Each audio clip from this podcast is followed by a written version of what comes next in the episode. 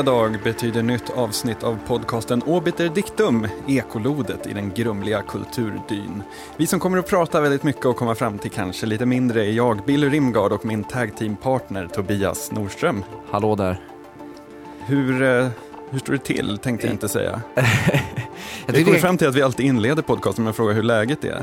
det är väl, det är väl någon, slags, någon slags svensk hövlighet som eh, får catch the better of oss på något sätt liksom. Ja, lite så här mysigt, trevligt. Men vi kan börja med en riktigt dålig nyhet helt enkelt. Ja, vi, det, det låter bra. Så, så blir det bara bra grejer efter det. Det är så här att ehm, nästa vecka så, så kommer en av oss överge eh, Sverige för att, eh, ja, vad, vad är det du ska göra egentligen Tobias? Eh, nej, det är så att jag åker till New York redan nu i helgen faktiskt och ska se, eh, de ska framföra William Basinski på Metropolitan Museum under 9-11. Eh, det var ju tio år sedan 9-11 ägde rum och då under jubileet så ska det lite konserter och sånt som jag ska gå på och kommer då bli kvar nästa vecka också. Så att inget obitidictum nästa vecka. Inget obiterdiktum. Det är nämligen så här att jag och Tobias jobbar helt annorlunda tider så att den logistiska övningen att få ut den här podcasten en vanlig vecka, den är helt enorm. Ehm, och att då lyckas med en vecka när Tobias är i New York, ja, kommer inte funka. Så att nästa veckas podcast är inställd. Och det betyder också att B-filmscirkeln flyttas fram en vecka. Precis. Men det Men- kanske, men- ka- kanske även betyder att jag får anledning att ringa upp och ge några direkta iakttagelser till eh, obitidictum, vem vet? Ja, men vi har ju hört fejkade New York-reportage av dig i podcasten tidigare. Vad, vad är det som får oss att tro på dig den här gången? Eh, det vet vi inte än. Du får, du får ta med en bandare och prata lite med William Ja, jag, jag får göra det, om, om, eh, försöka få tag på honom där. Jag tror inte han är på plats dock, det är någon sån här eh, någon orkester som framför grejerna. Han kanske, eh, jag har inte, jag har, så vitt, av den informationen jag har fått så vet jag inte om han ska vara på plats, men vi får ju se. Mm. Det äkthet kommer ju stå i fokus lite i dagens eh, eh, podcast också, men det återkommer vi till. Mm. lite. Vi kan Lite väl börja senare. lite med, med M83 känns, känner jag i alla fall. Ja, det, det är alltid ett bra ställe att börja på. Har du precis som jag grävt ner dig i hans eh, nya album den senaste veckan? Det har ju läckt nu. Ja, jag har grävt ner eh, mig i det och eh, lite tve. Alltså så här, jag, hade, jag trodde väl att det skulle vara ett av årets album alla kategorier, självklart eftersom det är M83. Eh, stundtals lite svårt att, att tränga igenom kan jag känna. Mm. Jo, men jag förstår vad du menar. Det, det, det är ju ett massiv av synt-infernon på, i både absolut bästa och ganska dålig bemärkelse på något sätt. Vi pratade förra veckan lite om folk med så megalomani som alltid balanserar på någon sorts gräns och att man gillar dem eh, när de har hybrisen och ligger på den där gränsen. Mm. Men det blir katastrofalt när de går över den. Och jag skulle säga att M83-albumet kanske är en bra symbol för det i vissa, vissa avseenden. För stundtals är det ju helt fantastiskt. Alltså jag tycker, överlag så tycker jag ju att det, det, det är mer fantastiskt än, än dåligt på något sätt. Och det, jag har en känsla av att jag eh, vid slutet av året ändå kommer liksom se tillbaka på det som någon slags, som något slags epos som man inte kan komma runt. Mm. Eh, Ja, det är, han, han, han eh, närmar sig någon slags 80-talsrock i vissa avseenden, i vissa låtar. Det kanske är där skon klämmer för mig, men jag, ska, eh, jag tror att det är någon slags acquired taste, som typ whisky när man var 17, att man får lära sig. Mm. Jo, det är väl så. Men just spåren Echoes of Mine och Splendor, de, de, eh, åh, de gör nästan allt för mig på något sätt. Mm, Steve McQueen är mitt favoritspår, Mm. tror jag. Introt också med Sola Jesus på sång, givetvis. Ehm, vi pratade, nämnde din fejkade New York-reportage här. Ehm, det har ju fejkats på sina håll och kanter här eh, senaste veckan. Naturfotografen Terje Hellesö blev påkommen av att ha photoshoppat in djur i sina bilder. En viltvårdare bland annat som här frågade på sin blogg varför lodjuren inte hade vinterpäls om det var fotat i december. Vilket Ja. här, det är den coola, det är den coola så här, debunkingen. Men sen så startade Flashback givetvis en jakt och hittade alla originalbilderna så här, från bildbanker. Men äh, har inte han fått något EU-bidrag för sina foton också? Jag tror han fotat så här mårdhundar eller någonting. Ja, det kanske var mårdhundarna som inte hade vinterpäls. Ah, okay. ja. Ja, jo, det, det, det tror jag. Ehm, men eh, du kom ju ut här i avsnitt 20 av Obiter Dictum som naturfilmsälskare. ja. Du reagerade då på taglinen till BBC-serie Planet Earth som var “Nature like you've never seen it before”. inte det här lite samma sak? Det här är väl att ta det ett steg längre om man säger så. Eh, om, de, om de på något sätt skapar eh, vad ska vi säga, fuskade rörelser och förändringar i naturen genom att, eh, ja, genom att manipulera eh, videotekniken så är väl det här eh, att skapa någonting som överhuvudtaget inte finns där alls. Liksom. Så det, det är lite äpplen och päron men eh, samtidigt, vadå, eh, eh, det, det var fortfarande ganska fina bilder. jag tycker. Men just det här äkthetskravet, jag, tycker, jag är väldigt fascinerad av det, så här, vad som är sant och vad som inte är sant. Um, Naturfotografernas riksförbund var ju väldigt besvikna över det här eftersom för dem är äkthetskravet så väldigt viktigt när det gäller naturfotografi. Eh, jag, jag, undrar lite hur långt det där sträcker sig. Är det som du säger där, att, liksom att tillföra någonting som överhuvudtaget inte finns? Eller är det okej okay att gå in och dra lite i nivåer och sånt i en bild? Jag menar, även när man framkallar på papper så gjorde man ju samma sak som i Photoshop, just det här Alltså när det gäller kontraster och ljus och sådana saker. Ja, men och sen också, de får väl vara hur arga de vill. De, de, de måste ju på något sätt inse att 99% av de bilderna som finns är ju photoshoppade. Liksom. Ja. Eh, och det, även ifall det inte kanske handlar om att man regelrätt har infogat djur så, så är det ju fortfarande någon form av enklare manipulation som, har, som äger rum nästan alltid i bilder idag. Just så här bild, bildjournalistiken är ju ganska utsatt eh, för möjligheten att fuska eftersom det är så pass enkelt att göra eh, naturtrogna eh, eh fusk, fuskningar helt enkelt. Mm. Um, kommer ihåg, eller jag läste här om veckan någonting om att, eller här om månaden kanske det var att Adobe vill, eller rättare sagt eh, olika bildbanker har uppvaktat Adobe och vill så här att på något sätt ska det finnas ett så här fotografsäkert läge i Photoshop där vissa funktioner är låsta och sånt och att bilden då ska taggas med en speciell grej som gör att när man laddar upp den på en bildbank så är den verifierat icke manipulerad. Det känns liksom så här, ja men what? Ja, men samtidigt, alltså jag kan tänka mig så här, nyhetsfoto också. De, de, brukar ju, de brukar ju ofta eh, släppa sådana här bilder bilden bakom bilden eller vad man ska säga. Alltså där, där på något sätt eh, motivet avslöjar hur hur det faktiskt såg ut när bilden togs. Mm. Jag, tänk, jag, tänker på den här, eh, det var väl från efter jordbävningen i Haiti Ah, eh, som, som någon hade fotat någon liten flicka som satt vid, var, var, det, var det en död släkting eller någonting? Ja, det, var, det var en väldigt, väldigt stark bild i alla fall. Mm. Eh, och så hade någon då tagit den andra bilden där, där hon fotade ett gäng fotografer som stod som någon slags eh, gamar över den här flickan och bara fotade fingrarna av sig för att få den här jättebra bilden. Liksom. Mm.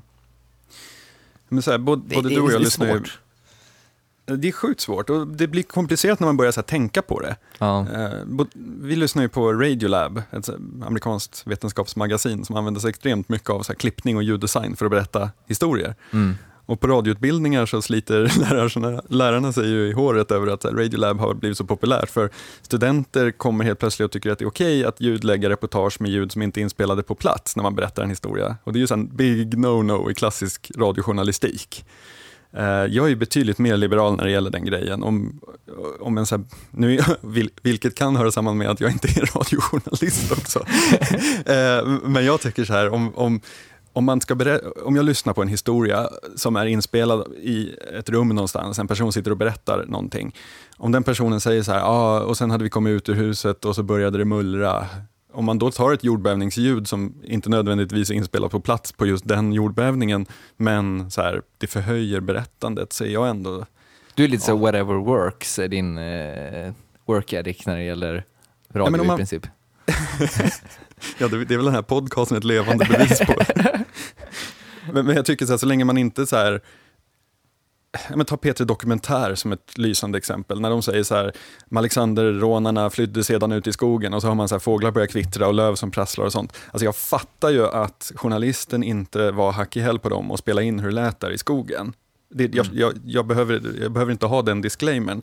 Däremot så kanske det finns ett problem om man Eh, om man berättar om ett bråk som utbröt i riksdagen och så har man så tagit ljudet från någon så pub-brawl Eh, och ljudlägger det med, ja då finns det ett problem för att ljudet av de här snubbarna som går bärsärk och krossar stolar i folks huvuden eh, är inte plockat från riksdagen.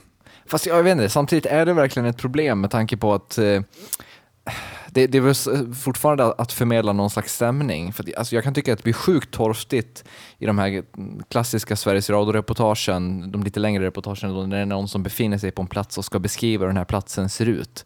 Och det blir liksom, jag sitter här på en bänk, det är ganska varmt ute, solen skiner, en man går förbi och vecklar ut eh, en karta och ber om en eh, väg. Eller, jag förstår vad jag menar, det blir, det blir, mm. det blir, det blir eh, ja, men torftigt helt enkelt. Istället för mm. att på något sätt använda ljudets möjligheter till att illustrera någonting så, så är det en röst som ska liksom försöka ge, ge en bild eh, som, som bara blir futtiga beskrivningar på något sätt. Mm. Jo, det är, du skulle nog inte bli långvarig som ekoreporter rent spontant. Men... Det tur att jag inte har några sådana aspirationer. När du är tillbaka från New York däremot så ska vi ju köra lite B-filmscirkel Precis. Det är Hotet från underjorden 3 som står på menyn. Eh, vad heter den? Back to perfection eller någonting sånt Precis. där. perfection, den lilla hålan i öknen. Precis.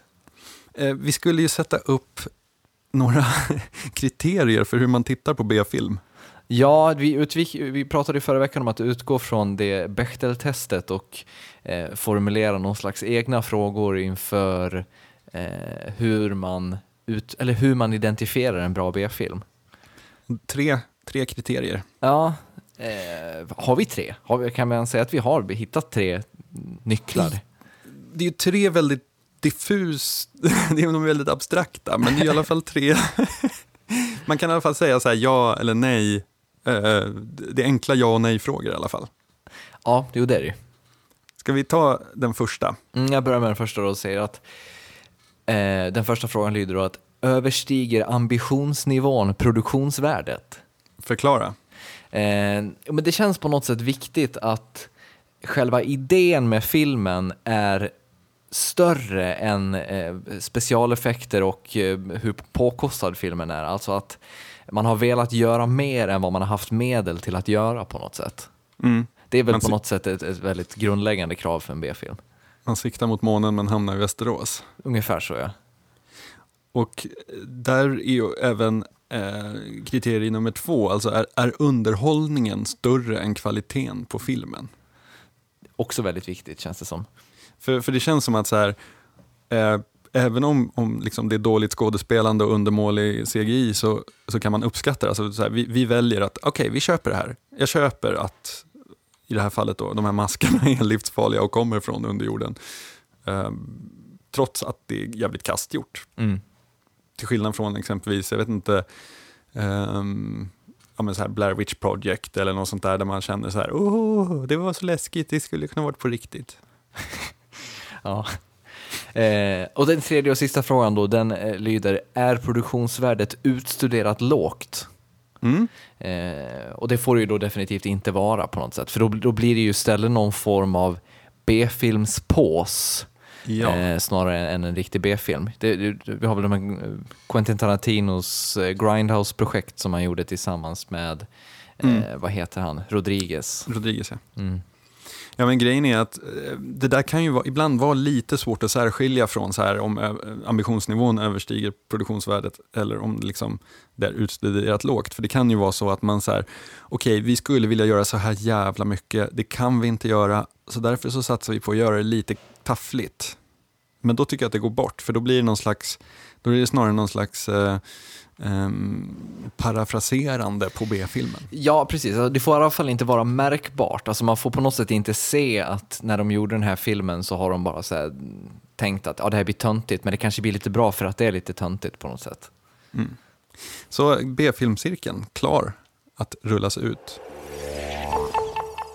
Och äkthet är väl lite av ordet för dagen här i Obiter Dictum, vilket är vårt första huvudämne för dagen. Om vi börjar i änden med Superman, för det är ju så att de håller på att spela in en ny film som då ska heta Man of Steel. Eh, häromveckan så läckte det ut... Stålmannen, massa... helt enkelt? Jag, jag, jag är så fräck så jag säger, jag säger Superman. Fast Man of Steel måste ju vara Stålmannen. Då, ah, då ja, ja, du tänker så? Eh, jo, det blir ju Stålmannen mycket riktigt. Eh, men det läckte då ut för några veckor sedan och jag har gjort eh, kontinuerligt sedan, filmningen, sedan filminspelningen började eh, bilder då på eh, Stålmannens nya dräkt. Eh, och det som, var, som fan då har, fans då har rasat mot eh, det är att eh, de traditionellt röda kalsongerna tagits bort och dräkten istället blivit en helblå spandex med eh, den vanliga loggan över bröstet. Ehm, mm. Och Det är en dräktförändring som ligger helt i linje med den reboot av Superman som DC Comics gör för tillfället. De håller ju på att reboota halva sitt universum just nu och gör om alltihop nästan. Ehm, men va varför rasar fans tror du mot, mot direktbytet? Vi kommer in på den stora frågan om kanon, helt precis, enkelt. Precis. Eh, alltså jag tror i grund och botten inte att det bygger på någon slags ärkekonservatism. För det är ingen som opponerar sig mot att så här, Batman använder high-tech och datorer, även om man inte gjorde det i originalserien från 40-talet. den, för, den förändringen är okej, okay, för att den förändrar inte Batman i ande, eller vad man ska säga. Mm. Men även i utseende har ju Batman förändrats väldigt mycket. Um, men jag tror att det kan finnas kring Superman någon slags större symbolik.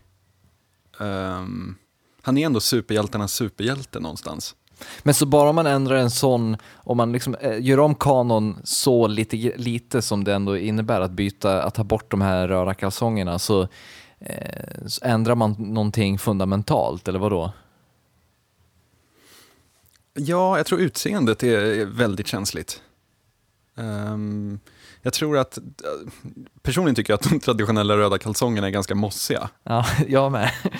Däremot så när jag såg den här nya eh, outfiten så jag är lite tveksam till den här ormskinnsgrejen eh, som det ser ut att vara, eller så alligatorskin.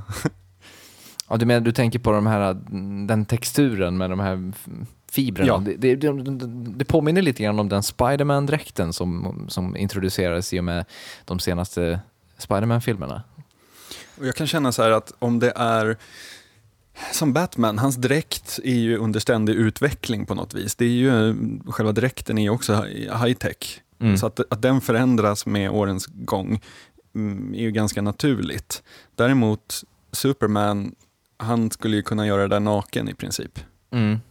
Men tror du att man på något sätt Eh, att man alltid vill att förändringar och sånt ska följa en etablerad kanon ändå inom, inom diverse former av nördkultur?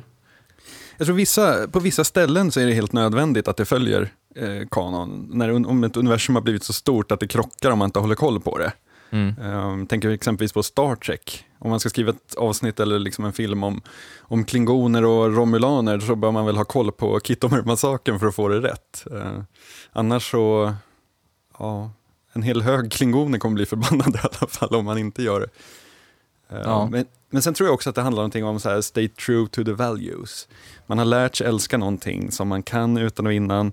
Man har framförallt lagt eh, ohälsosamt mycket tid på att memorera saker och ting. Exempelvis släktband i fantasy-litteratur eller eh, planeter i eh, ett Star Trek-universum eller eh, uppväxt och, och eh, känsloband för en vanlig superhjälte. Och på något sätt så tror jag att man känner så här mattan under sig bli omkullryckt när man gör förändringar. Kanske inte på en direkt så, men det är så här, ja, vad kommer härnäst? Men för det känns som att nästan all förändring som sker inom olika eh, nörduttryck, om man vill använda ett sånt ord, de, de möts ju nästan alltid av någon slags kritik. Tror, mm. Men tror du att det handlar om att vi var inne lite på det i våras när vi pratade sci-fi versus fantasy, om, om, att vi, om att man tycker om att ha någon slags regler att förhålla sig till. Och mm. att det liksom eh, det blir någon slags naturlig reaktion då när, när reglerna helt plötsligt skrivs om. Men det är väl ungefär som när Facebook byter utseende och folk blir vansinniga. Ja. Men, men är man, jag vet inte, jag är naiv om jag säger att inom tekniken så känns det ändå som att om förändringen blir till det bättre så, så anpassar sig de flesta ganska snabbt. Jag tänker till exempel när en ny iPhone kommer och har bytt utseende eller någonting så är de flesta ganska så här ja men det här kan bli bättre liksom. Eller, eller att, man, att man, man blir mer pragmatisk i sådana lägen känns det som. Mm. Ja, jag funderar lite på om det går att överföra så resonemanget på religion. Mm. Men, men I i så Bibeln så finns det väl en snubbe som, vad gör han? Han typ samlar pinnar på sabbaten och måste bli stenad av hela församlingen. och jag tror så här att en kristen idag kanske köper, eller jag hoppas att han eller hon köper, att ja okej, okay, det står i Bibeln, men vi gör inte så. Vi, vi stenar inte han som samlar pinnar på, på sabbaten. Däremot så vet jag inte hur många kristna som skulle tycka det var okej okay om en sån ny version av Bibeln kom och Jesus har en, jag vet inte, en slackerbrorsa som röker gräs och surfar. Mm. Där går någon slags gräns för, för uh, hur stor förändringen kan bli. Um, men det är roligt att, att, att man, man tänker alltid så att små förändringar är okej, okay, stora förändringar, det är då eh, man förändrar saker i grunden. Men vi pratar om en dräkt fortfarande. Jo. Det, var, det var så vi började prata om det här. Um, och där är det ju knepigare, men, men jag tror som sagt symboliken har en, en stor um, en stor, vi ser väl ungefär samma sak med Catwoman-outfiten i nya Batman. Mm. Som eh, också möter väldigt blandade reaktioner. Jo men där känns det ändå som att där är det betydligt mer så här uh, vad ska vi säga, det känns som att man köper det mycket, mycket, mycket mer för att det ligger i linje med, med det Christopher Nolan har gjort med hela äh, Batman-mytologin på något sätt, att han har gjort den mer realistisk. Och därför så vore det bara jätte, jättefjantigt om Catwoman skulle ha någon slags svans och kattöron. ja, uh, ja, Verk, ja, så, som eh, på den gamla goda tiden ja, men precis, Michelle precis. Pfeiffer. Som, vi, vi pratade ju om det eh, tidigare, eh, hur svårt det är att lyckas med Catwomans kläder eftersom det alltid blir lite unket. Men av de bilderna jag har sett här tycker jag att det, det ändå ser ganska okej ut. Mm. Jag gillar dem. Men, ett, annat, ett annat intressant, eller hade du något mer där Nej. på Catwoman? Nej. Nej. Men ett, ett, annat intressant fält eh, som präglas sjukt mycket av kanon, det är ju hela Star Wars-universumet. Eh, och jag tänker där blir det liksom, det blir ännu mer avgörande där i och med att där är liksom George Lucas eh, bokstavligt talat eh, ett slags gud i och med att det är han som är en enhällig härskare över hur hela det universumet är uppbyggt. Mm. Eh, så det liksom öppnar inte upp för några andra förändringar än de som Lucas väljer att göra och han har ju valt att göra en del om man säger så. Det har väl skrivits jag utgår från att det finns en hel serie med, med alltså romaner, mm. um, um, Star Wars-romaner. Jag vet inte, vad, vad heter den uh, genren? Det finns ju hur mycket som helst i Star Trek i alla fall. Nej, jag har dålig koll på vad genren heter. Ja, det är inte fanfiction, men det gränsar ju ändå till det. Det, det är ju liksom, ja, du tar en medioker författare som får skriva en bok som utspelar sig i, i universumet. Um, jag utgår från att det finns sådana i Star Wars-universumet också. Ja, det de, gör det. Den sortens böcker brukar ju alltid vara på den där, alltså de, använd, de använder sig av, av kanon men samtidigt måste de också introducera något nytt. Mm. Uh, för att inte bara berätta en historia.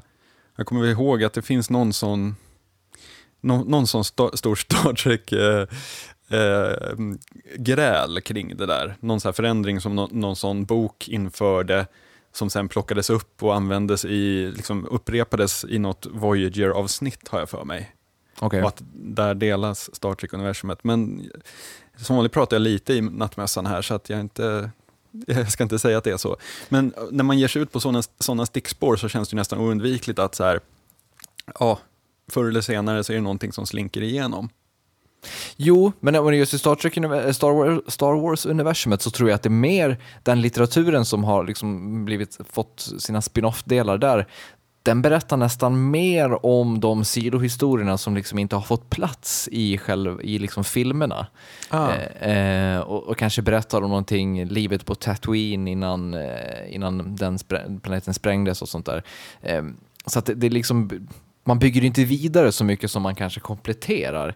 Och det, och det, på, det på, känns på något sätt som att man då helt och hållet vill gå Lukas ärenden, att man på något sätt bara vill expandera hans eh, redan fixerade kanon på något sätt. Fast jag tror ändå så här, man, man kommer ju ändå komma till en punkt där så här, okej, okay, när livet var fint på Tatooine och ens rymdskepp gick sönder, vem mm. ringde man för att laga det då? Och så, ja, men, liksom, nu tar vi det på extremt fundamental nivå här, men eh, ja, man ringde den här Intergalactic mm. Eh, Repairs.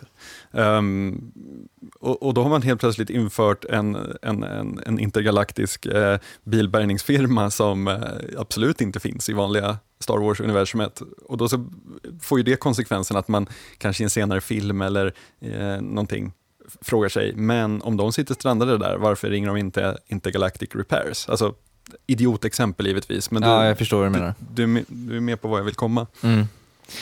Jo, det, det är väl klart. Men... jo, Jag läste det, ju den här- det, det blir väl samtidigt inte liksom eh, samma form, alltså du ritar ju inte om reglerna eh, genom att bara berätta någonting mer på samma sätt som jag tror att de här böckerna gör. Jag har läst någon bara för, på gymnasiet tror jag. Eh, mm. Men, eh, när jag läste ju den här eh, Lost, eller förlåt, Bad Twin, som var en deckare skriven i Lost-universumet. Mm. Och där, den författaren hade ju liksom, den var ju sanktionerad uppifrån, eh, dock inte särskilt bra. Eh, men jag tror den släpptes mellan säsong två och tre om jag inte minns fel. Eller tre och fyra kanske. Ja, skitsamma. Eh, den författaren trippade ju på tå för att aldrig någonsin vara i närheten av att råka definiera någonting som liksom kunde påverka tv-showen, vilket gjorde det ganska konstigt så här, när han refererar till, refererar till sånt som han känner till från ehm, eh, tv-serien, men ändå inte kan ta det ända in i kaklet. Därför Ja. att, ja, det, det blir ju lite konstigt. Men just när det gäller så här, ka- kanon, när det gäller, när det gäller eh, Superman, så det, det har ju ändå gjorts ganska mycket så här skumma seriealbum där, ehm, eh, vad heter, nu står det helt still i mitt huvud, Ehm, den stora apokalyps där superhjältarna slåss tillsammans. Och, Kingdom Come-grejen, ja, eller, det. eller Kingdom Come, är det, är den storylinen efter? Det är Mm. nog storylinen efter. Ja, det har gjorts spin-offer. Eh, ta, ta bara så när, när Frank Miller plötsligt tecknar Batman och gör honom så här jättemörk jämfört med vad det varit tidigare. Eh, eller Gotham Central som vi pratade om förra, förra veckan som är snut-spinoffen på Batman. Det görs ju, har gjorts och görs väldigt mycket seriealbum och eh, kortare serier av serietidningar. Eh, där man ändå tar sig friheter med karaktärerna. Men bara för att det ges ut Mm. av Marvel eller DC så vet man att så här, ja okej, men det här är sanktionerat uppe, uppifrån. Um, Men ett, ja, serietidning... men, eh, eh, förlåt, ett, ett exempel. En- Neil Gaimans eh, 1602 som är X-Men som utspelar sig 1602. Mm. Um, men den är ju, det är, all, alla X-Men-karaktärerna finns ju där i, bara det att det är 1602. Och då är, undrar man så här, är det kanon att de fanns då, eller är det en rolig lek med, med eh, de karaktärerna? Givetvis är det det sistnämnda, men vän av kanon frågar sig ändå det. Jo, men sen tror jag också, alltså just serietidningarna har väl varit extremt eh, skickliga på det, på det med att skapa eh, parallella universum och alternativa storylines på det sättet att de, de på något sätt har varit tydliga med att äh, men den, här, eh, den här versionen av historien följer inte den, eh, ja, den, den traditionella eller den, den, den tidigare historien. Vi har ju liksom till exempel Ultimate Spider-Man som, som ju inte är den vanliga Spider-Man eh, historien till exempel. Där eh, nu i somras så dog ju till exempel Peter Parker där och, eh, och en ny Spindelmannen fick ta över. Mm. Eh, och det, det, på något sätt så har de, de, de har väl valt att gå den vägen helt enkelt. Att de, de, de, har fattat att man är, man är sjukt begränsad om man bara ska hålla sig till, till en, en kanon och istället så får man, eh, ja, men så får man ha liksom någon slags alternativa universum på något sätt. Vilket är ju mer man kan, läste- än vad man kan säga om Star Trek och Star Wars och, mm, och så vidare. Men är det inte därför de nu måste reboota sina universum också, därför att de har så jävla mycket motsägelsefulla... Jag kommer ihåg What- Whatever Ha- Happened to the Caped Crusader, en sån dödsmässa i två delar som eh, Neil Gaiman skrev och Andy Kubert tecknade. Den kom 2009. Ehm, där Batman har dött och det är liksom begravning och allt sånt där. Och dit kommer liksom hans nemesis. Och, eh, vad är nemesis i plural? Eh, ja, han- hans fiender, de klassiska fienderna kommer dit och eh, Chief Gordon och ja men du vet, de håller tal och det, det är en väldigt, väldigt konstig serie.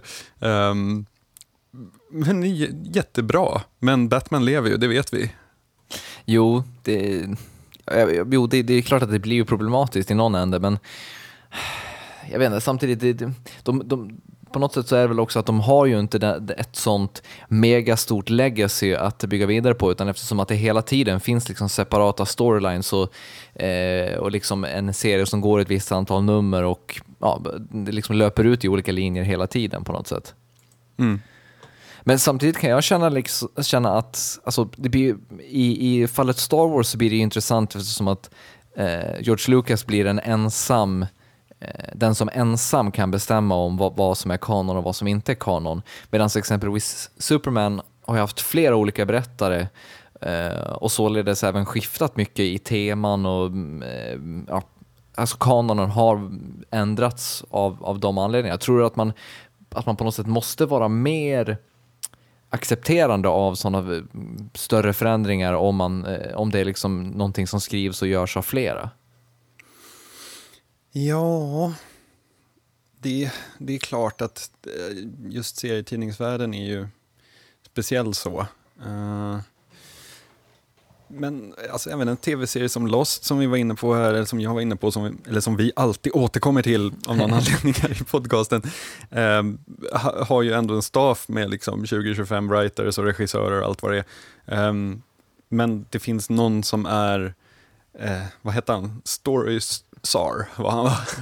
alltså, så, han som bara jobbade med att hålla ihop historien. Ehm, jag tror att det förändras givetvis mer ju fler som är inblandade, men om man vill hålla ihop det också så går ju det. Eh, om man bryr sig om det. Men jag tror i slutändan så blir det lite töntigt att, eh, att reta sig på att en dräkt i och för sig en dräkt är ändå ganska central. Alltså. Jag tror mm. att det har varit större, alltså mindre protester om man säger så här, nej, han var inget, eh, eh, han var inget eh, fosterbarn i, i Kansas, utan han växte upp i en vanlig familj. Ja, I och för sig, det är ju helt omöjligt. men, men, men, om, man, om man ändrade origin storyn så tror jag att det hade faktiskt blivit mindre eh, protester. Mm. Jo, kanske. Men sen, det är väl samtidigt så här, jag tror, det, det, om det finns en bra anledning till att kalsongerna har försvunnit så köper man väl det, eller?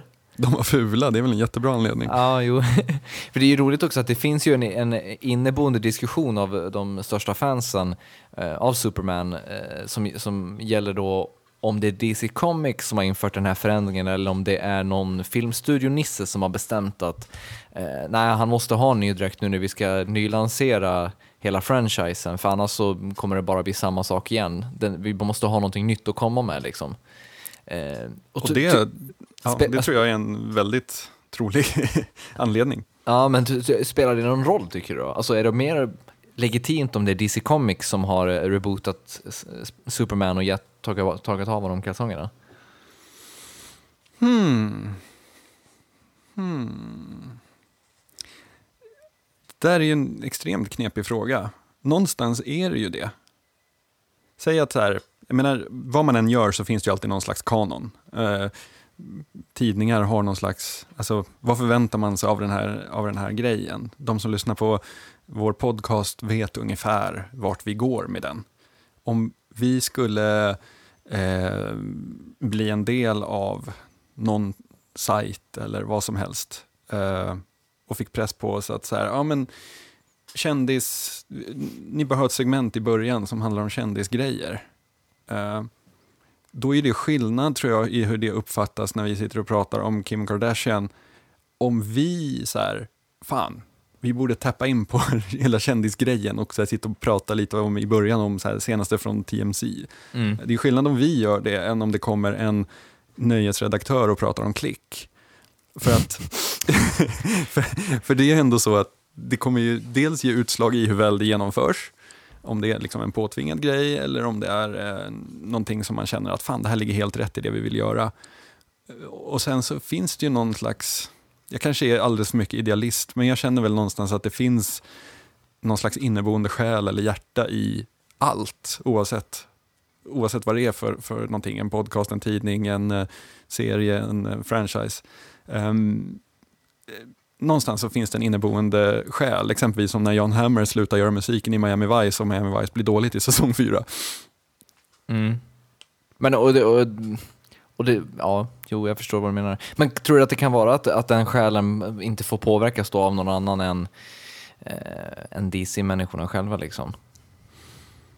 Ja, det är, nog det, jag, det är nog där jag landar. Men samtidigt då, jag, jag, förstår, jag är nog inne lite grann på samma, samma linje, men samtidigt så... Ovanligt.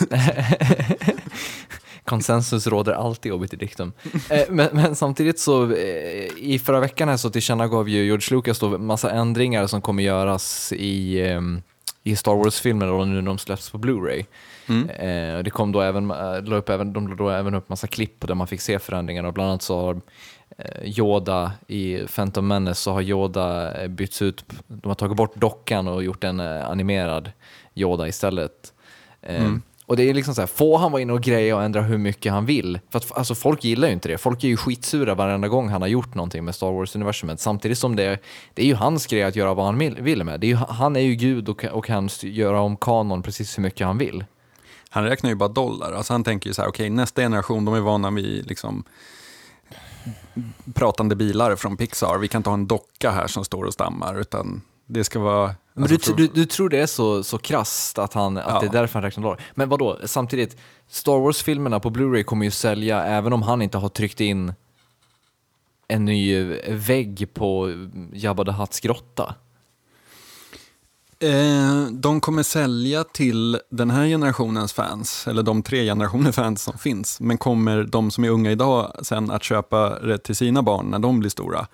Alltså om, om, jag, tror att det helt enkelt är så att man, han, han försöker vara så mycket i, tiden som möjligt med sina filmer och genom att vara konstant i tiden. Skitsamma om han liksom eh, om han gör någon IT-tekniker 45 år sur därför att han vann en miljon 15-åringar som tyckte det var en skitcool film de såg för första gången. Ja, men, och tro, men tror du det är den cynismen som eh, folk blir arga, arga på? Eller tror du att det är bara att de inte vill se den filmen de minns förändras på något sätt? Jag tror det är både och. Jag tror det är både och. Jag vet inte om, om, eh, om, om eh, alla är så cyniska. Man brukar ofta läsa den här uppgivna, varför gör du så här mot dina filmer? Snälla Lukas. Eh, men jag tror helt enkelt att det finns en marknadsgrej bakom det där. Att man, ja, menar, av någon anledning så sitter han inte och återutger originalfilmerna i originalskick, utan det, det hottas upp och det fixas och det byts ut och det ska liksom snyggas till. Och det, det finns ju en anledning till det och det är ju att, att eh, eh jag menar att, att ge ut en ny, ny version av filmen är ju inte ett egen syfte i sig, speciellt inte som folk ruttnar på det. Liksom. Jo men vadå, nu när de ges ut på Blu-ray så är det ändå, det är första gången de släpps i HD, så att här finns det ju ändå en, en, en anledning kan man väl säga. Jo, det är sant. Men okej, dockan kanske såg skit ut i HD, vad vet jag? Ja, det gjorde den faktiskt. Jag har sett, jag har sett klipp och det ser faktiskt för jävligt ut.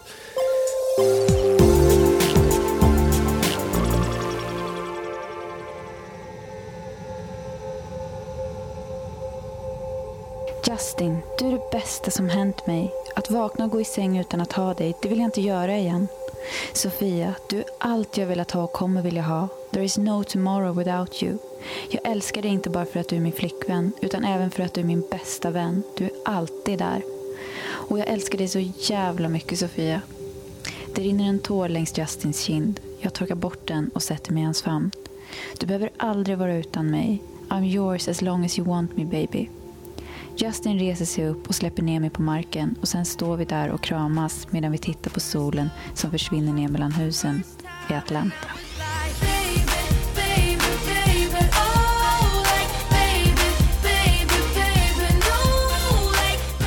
Eh, vart är vi på väg nu? Ja, det, det ni hörde här var ju alltså ett utdrag ur eh, bloggen Justin Bieber noveller eh, som skrivs av en eh, svensk tjej. Eh, jag har läst väldigt mycket i den på slutet, har du gjort det också? Ja, det har jag. Den är på något sätt, eh, vad ska vi säga, piken av eh, svensk fanfiction känns det som. Mm. Otroligt bra. Ja, jag tycker faktiskt den är, den är sjukt bra. Eh, Det, det är alltså då en blogg som berättas i olika episoder eh, och hittills då till dags dato har det publicerats strax, eh, snart 60 delar. Eh, ambitiöst ändå. Mycket ambitiöst. Och jag gillar de delarna när det är Justin Bieber i jag-form. Precis, den berättas då ur, eh, ur två olika perspektiv. Dels ur en tjej som heter Sofias perspektiv och sen då ur Justin Biebers eget perspektiv. Eh, och Justin har då eh, dumpat Selena, det är lite spoiler här då för de som vill läsa från början, men Justin har då dumpat Selena Gomez och blivit tillsammans med den här Sofia då eh, istället. Jag gillar väldigt mycket, ehm, som, som jag tycker är väldigt fin, och jag sitter i verkligen, det, det, nu, nu har jag lite fniss på, på rösten, men det är absolut inte så att jag raljerar, jag tycker det är jättebra. Ehm, det är det att så här, ofta när Justin Bieber är iväg någonstans, då är han på möte med Usher. Ja, Det tycker, jag, det tycker jag är sjukt bra. Och sen så gillar jag att mammorna, bådas mammor är väldigt närvarande. mm. ja men det känns, det känns verkligen som att så här, eh, det, är skrivet, det känns verkligen som att det är skrivet av någon som är i samma ålder som Justin Bieber, men samtidigt på ett, eh, ett sjukt medvetet sätt på, eh, på något vis. Eh, Jag vet inte, på något, jag, skulle, jag skulle bli både besviken men samtidigt inte jätteförvånad om det kröp fram att det här var någon lite äldre litteraturvetenskap-människa som gör ett experiment eller något sånt. Mm. Eh, jag, jag tror inte det är så, men, jag, men jag- som sagt, jag skulle inte bli överdrivet, överdrivet förvånad. Jag tycker det är lite för många sådana här eh, eh klockrena tonårsspottningar. Eh, alltså på alltså hur det är att vara tonåring och bo hemma med, med föräldrar. Eh, jag tycker det är några för, de är lite för precisa i sin precision för att det ska vara fake känner jag. Ja, men det, jag köper det. det är, jag, jag hoppas absolut, absolut att det inte är fake. Och det här väcker ju vissa, vissa frågor, eh, tycker jag. Eh, för det är så här, i vanlig fanfiction så är det ju framförallt, eh, de utspelar sig ofta i fiktiva universum. Att det liksom, speciellt när det är lite mer eh, köttigt. Att det, det, liksom, det finns fiktiva personer som det redan finns en laddning mellan, eller Mm. karaktärer snarare, som det finns en laddning mellan. Klassiska exempel är väl X-Files. Uh, har man suttit igenom åtta säsonger och inte ens har sovit i samma motellrum så byggs ju någon sorts frustration upp. och allt det här kommer ju då ut i fanfiction-världen där, där man kan göra lite vad som helst. Eh, och det är lugnt för att det är fiktiva karaktärer med skådespelare som har lånat sina kroppar till att gestalta dem så att det är liksom medvetet så. Kanske blir lite mer problematiskt när det är eh, riktiga människor. Tycker du det? På riktigt? Eller, eller, slänger du in det som en sån här eh, frågeställning bara? Jag undrar vilket liksom allmängods eh, även kändisar får vara. Vilka friheter kan man ta sig med dem? Jo, alltså det är väl, på något sätt är det väl typiskt att man, eh, att man vill på något sätt se, se någonting dåligt i det eh, när det gäller, ja, när det gäller liksom fans som eh, är Ja, jag vet inte, det är dumt att säga besatt, men det är väl det folk brukar kalla det när, när man håller på med sånt här. För att eh, det på något sätt så ska väl det symbolisera att man inte har ett sunt förhållande till den musiken eller filmstjärnan eller vad det nu är som man tycker om. Mm. Eh, Men jag tror ju samtidigt att det, på något sätt så är det ju bara ett enda långt sätt att leva ut fantasier man, man har redan på något sätt. Ja, absolut. Jag tror alltså just i sådana här fall med, med Justin Bieber, även Tokyo Hotel är ju väldigt så här, de har ju en stor fanfiction-rörelse eh, där novellen även publiceras på Tokyo Hotels hemsida, vilket kanske gör det lite problematiskt. Eh, men men alltså, om, om vi tar just det här fallet om en, om en ung tjej som skriver om, om, om Justin Bieber, jag, jag tror ju liksom det är väl ett sätt för unga tjejer att experimentera med sin sexualitet på ett sätt som är väldigt eh, vad ska man säga, ofarligt inför föräldrar och omgivning. För de, de kommer liksom aldrig dela säng med Bieber. Och det blir liksom, slash fanfiction blir ett sätt att uttrycka de här känslorna och tankarna utan att det blir drama. Jämförelse med om en 13-åring börjar dejta en fem år äldre snubbe som har körkort och raggar bil. Liksom. Mm. Jo, det, samtidigt, jo det, det, jag förstår vad du menar, men samtidigt så... Om, om jag spelar lite djävulens advokat då, finns det inte något osunt i att, eh, i att på något sätt drömma så mycket på det sättet? Hmm. Jag är inte säker på det. Alltså, det beror väl på. Alltså, om... om ehm, eh, jag, jag pratar inte om hon som skriver den här bloggen, utan jag pratar i allmänhet. Om man tror att så här, Justin Bieber eh, är Eh, det enda, den enda liksom, typen av kille, eller liksom exakt, exakt Justin Bieber, så måste den killen man, man ska eh, träffa, och, eller ja, Eh, om, om det är den enda, enda modellen för hur, hur ett förhållande kan se ut, ja då kanske det är problematiskt. Men alltså avståndskära artister är väl alla, både killar och tjejer? Definitivt. Eh, men alltså, tror, du- jag tror samtidigt också att just den här Justin Bieber-kärleken, eller just den kärleken som unga har, den är på något sätt lätt att raljera över för att den, eh, den är så eskapistisk på något sätt. Eh, det är mycket lättare att, att, eh, att säga att det är fullt normalt eller bra snarare att gräva ner sig i texter från något band eller studera tekniska detaljer i inspelningar och sånt, när det egentligen rör sig om exakt samma form av nörderi på något sätt. Definitivt, det, så, det, så är det ju. Det är ju bara nörderi på olika nivåer. Så, men mm. vad föredrar du? Föredrar du den eskapistiska nördnivån eller föredrar du den tekniska? mm, jag kan nog gilla den eskapistiska lite bättre faktiskt. Ja, men den är ju mer, jag håller med, den är ju mer romantiserande. Den är mer på något sätt. Eh, fast, ja, jo, den är ju mänsklig, men det är ju samtidigt den som kanske gör eh, den som fanfictionen tillägnas till mer omänsklig, eller vad man ska säga. Justin Bieber blir ju en vad ska vi säga, inte en gud, men eh, han blir ju perfekt i den här bloggen på många sätt. Mm. På ett sätt som man kanske inte eh, Alltså man utvärderar ju inte Bob Dylan som människa när man eh, läser hans lyrik på något sätt. Fast samtidigt så dyrkar man väl honom som en gud också. Alltså så här, han är så här, det, det, det, det, perfekta exemplaret av man med gitarr. Och gillar man då män med gitarr så så, så blir det ju en dyrkan på en väldigt speciell nivå. Men en intressant parallell till det här det är ju att i dagarna kom ju Bengt Olssons roman Rekviem för John Cummings, som är en roman som handlar om Johnny Ramones kamp mot sin cancer. Mm. Alltså en roman, inte en, en, dokumentär. Och det är skrivet om Johnny Ramone och han går där i sin, eh, sin lägenhet eh, och liksom kämpar med sin prostatacancer. Och, ja, ganska nära i tid. Eh, många verkliga personer, huvudpersonen är verklig, väldigt många andra verkliga som, som eh, finns i den. Då så skrev, eh, när, när författare gör så här så är det inte fanfiction utan det kallas för faktion, alltså blandning mellan fakta och fiction. Och Christian Ekenberg på Arbetarbladet skrev så här i en, en recension. Faktionen är ett symptom på en bredare samhällstrend, en tidsandra som sipprar in i litteraturen. Kända människor som förut var gudar får numera sina celluliter utpekade med pilar i skvallerpressen. Deras liv har blivit en allmän egendom och allmänheten inbillar sig att de har en rätt till dessa människors kroppar och själar. Faktionen är ett milt symptom på denna infektion men är likväl en del av samma sjukdomsbild som fick redaktörerna på News of the World att tro att de hade rätten att avlyssna en kidnappas flicka mobilsvar. Vad ger du för det? Alltså jag håller ju inte med riktigt. Eh, på något sätt så tycker jag att de blir allmängods på ett sätt. Den brittiska tabloidpressen är väl ett dåligt exempel eftersom att de inte kan hålla på någon slags balanserad nivå. Eh, Medan jag tror att de som faktiskt är fans i många fall, de allra flesta fall faktiskt, kan på något sätt särskilja mellan idén om den här artisten och vem artisten är på riktigt så att säga.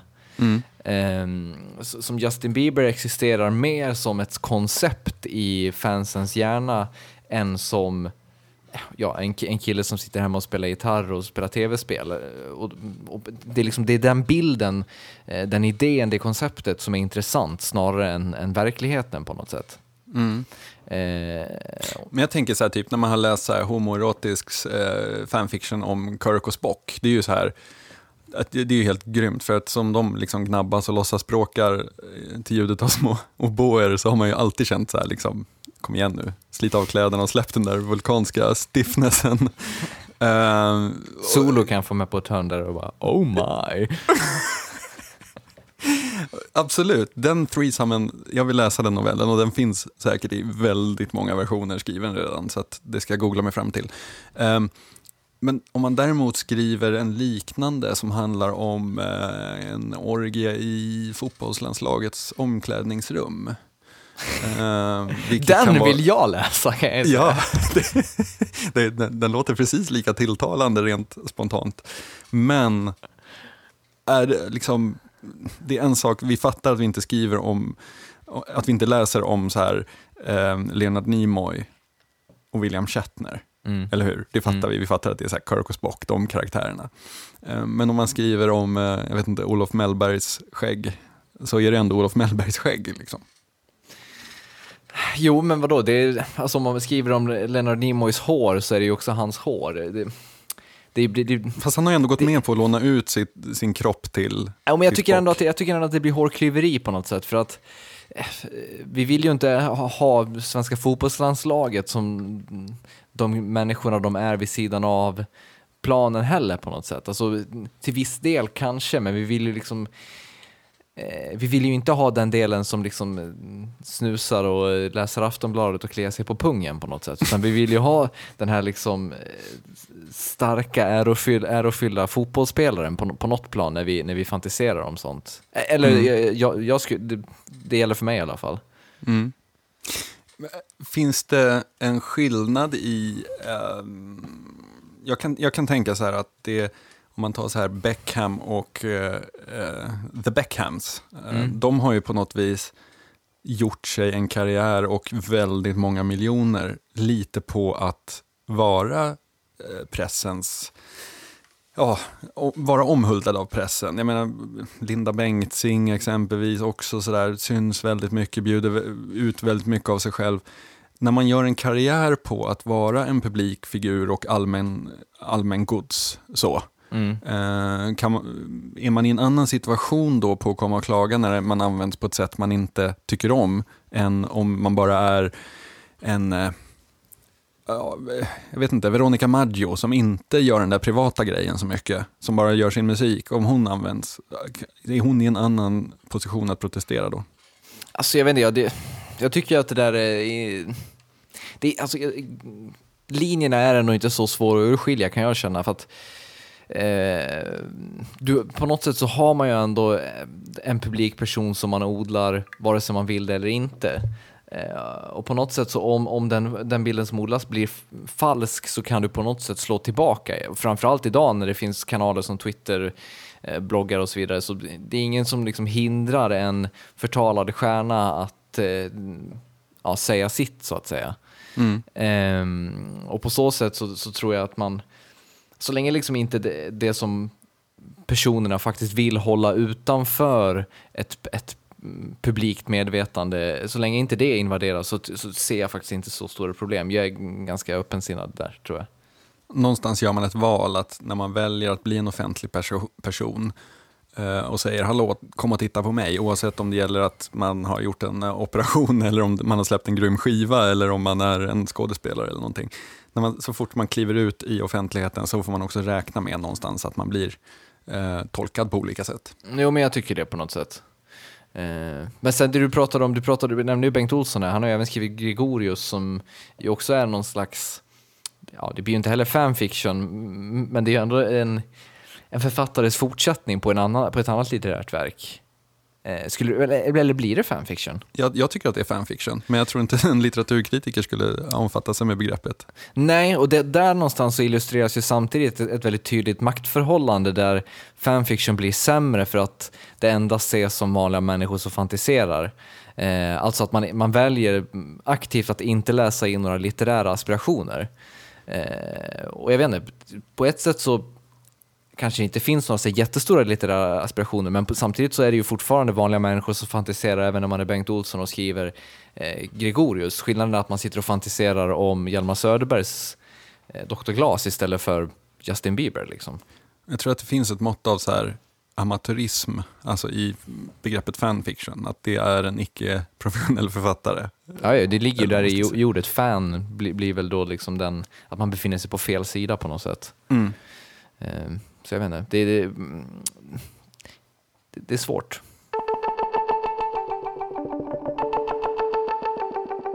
Och därmed så har vi nått fram till slutsegmentet av Obiterdictum, det så kallade postscriptum, tipsdags. Eh, och jag tänkte då i linje med all fanfiction tipsa om eh, en Star Trek fanfiction-film, eller de, de är flera filmer vid det här laget, som heter Star Wreck. Eh, det är då någon slags ja, fantagningar på eh, Star Trek-universumet. Eh, Star Trek in the Perkening heter den första tror jag. Och jag, eh, också lite sci-fi tips. Eh, jag ska tipsa om Lightspeed Magazine heter det. Jag har prenumererat nu i, eh, ja, sen årsskiftet ungefär och är en mycket nöjd kund. Lightspeed Magazine blandar eh, sci-fi noveller med essäer och non-fiction-prylar på ett väldigt mysigt sätt. Och eh, det fina är att ehm, det är alltså en e-boks, eh, ja, en, ett e-magasin man får mejlat, mejlat till sig när det kommer ett nytt nummer. Och väldigt mysigt att sitta med på, på bussen eh, i telefonen på morgonen om inte annat. Eh, artiklarna finns även att läsa sen på, på sajten lightspeedmagazine.com så det, det är en, ett gott litet eh, hantverk de pysslar med. Mm, trevligt. Och därmed så är det slut för eh, den här veckan och alltså paus nästa vecka. Precis, men vi ses igen om två veckor och då den första installationen av vår nya B-filmcirkel. Woho! Det ska bli intressant. Vi ses då. Tack så mycket. Hej.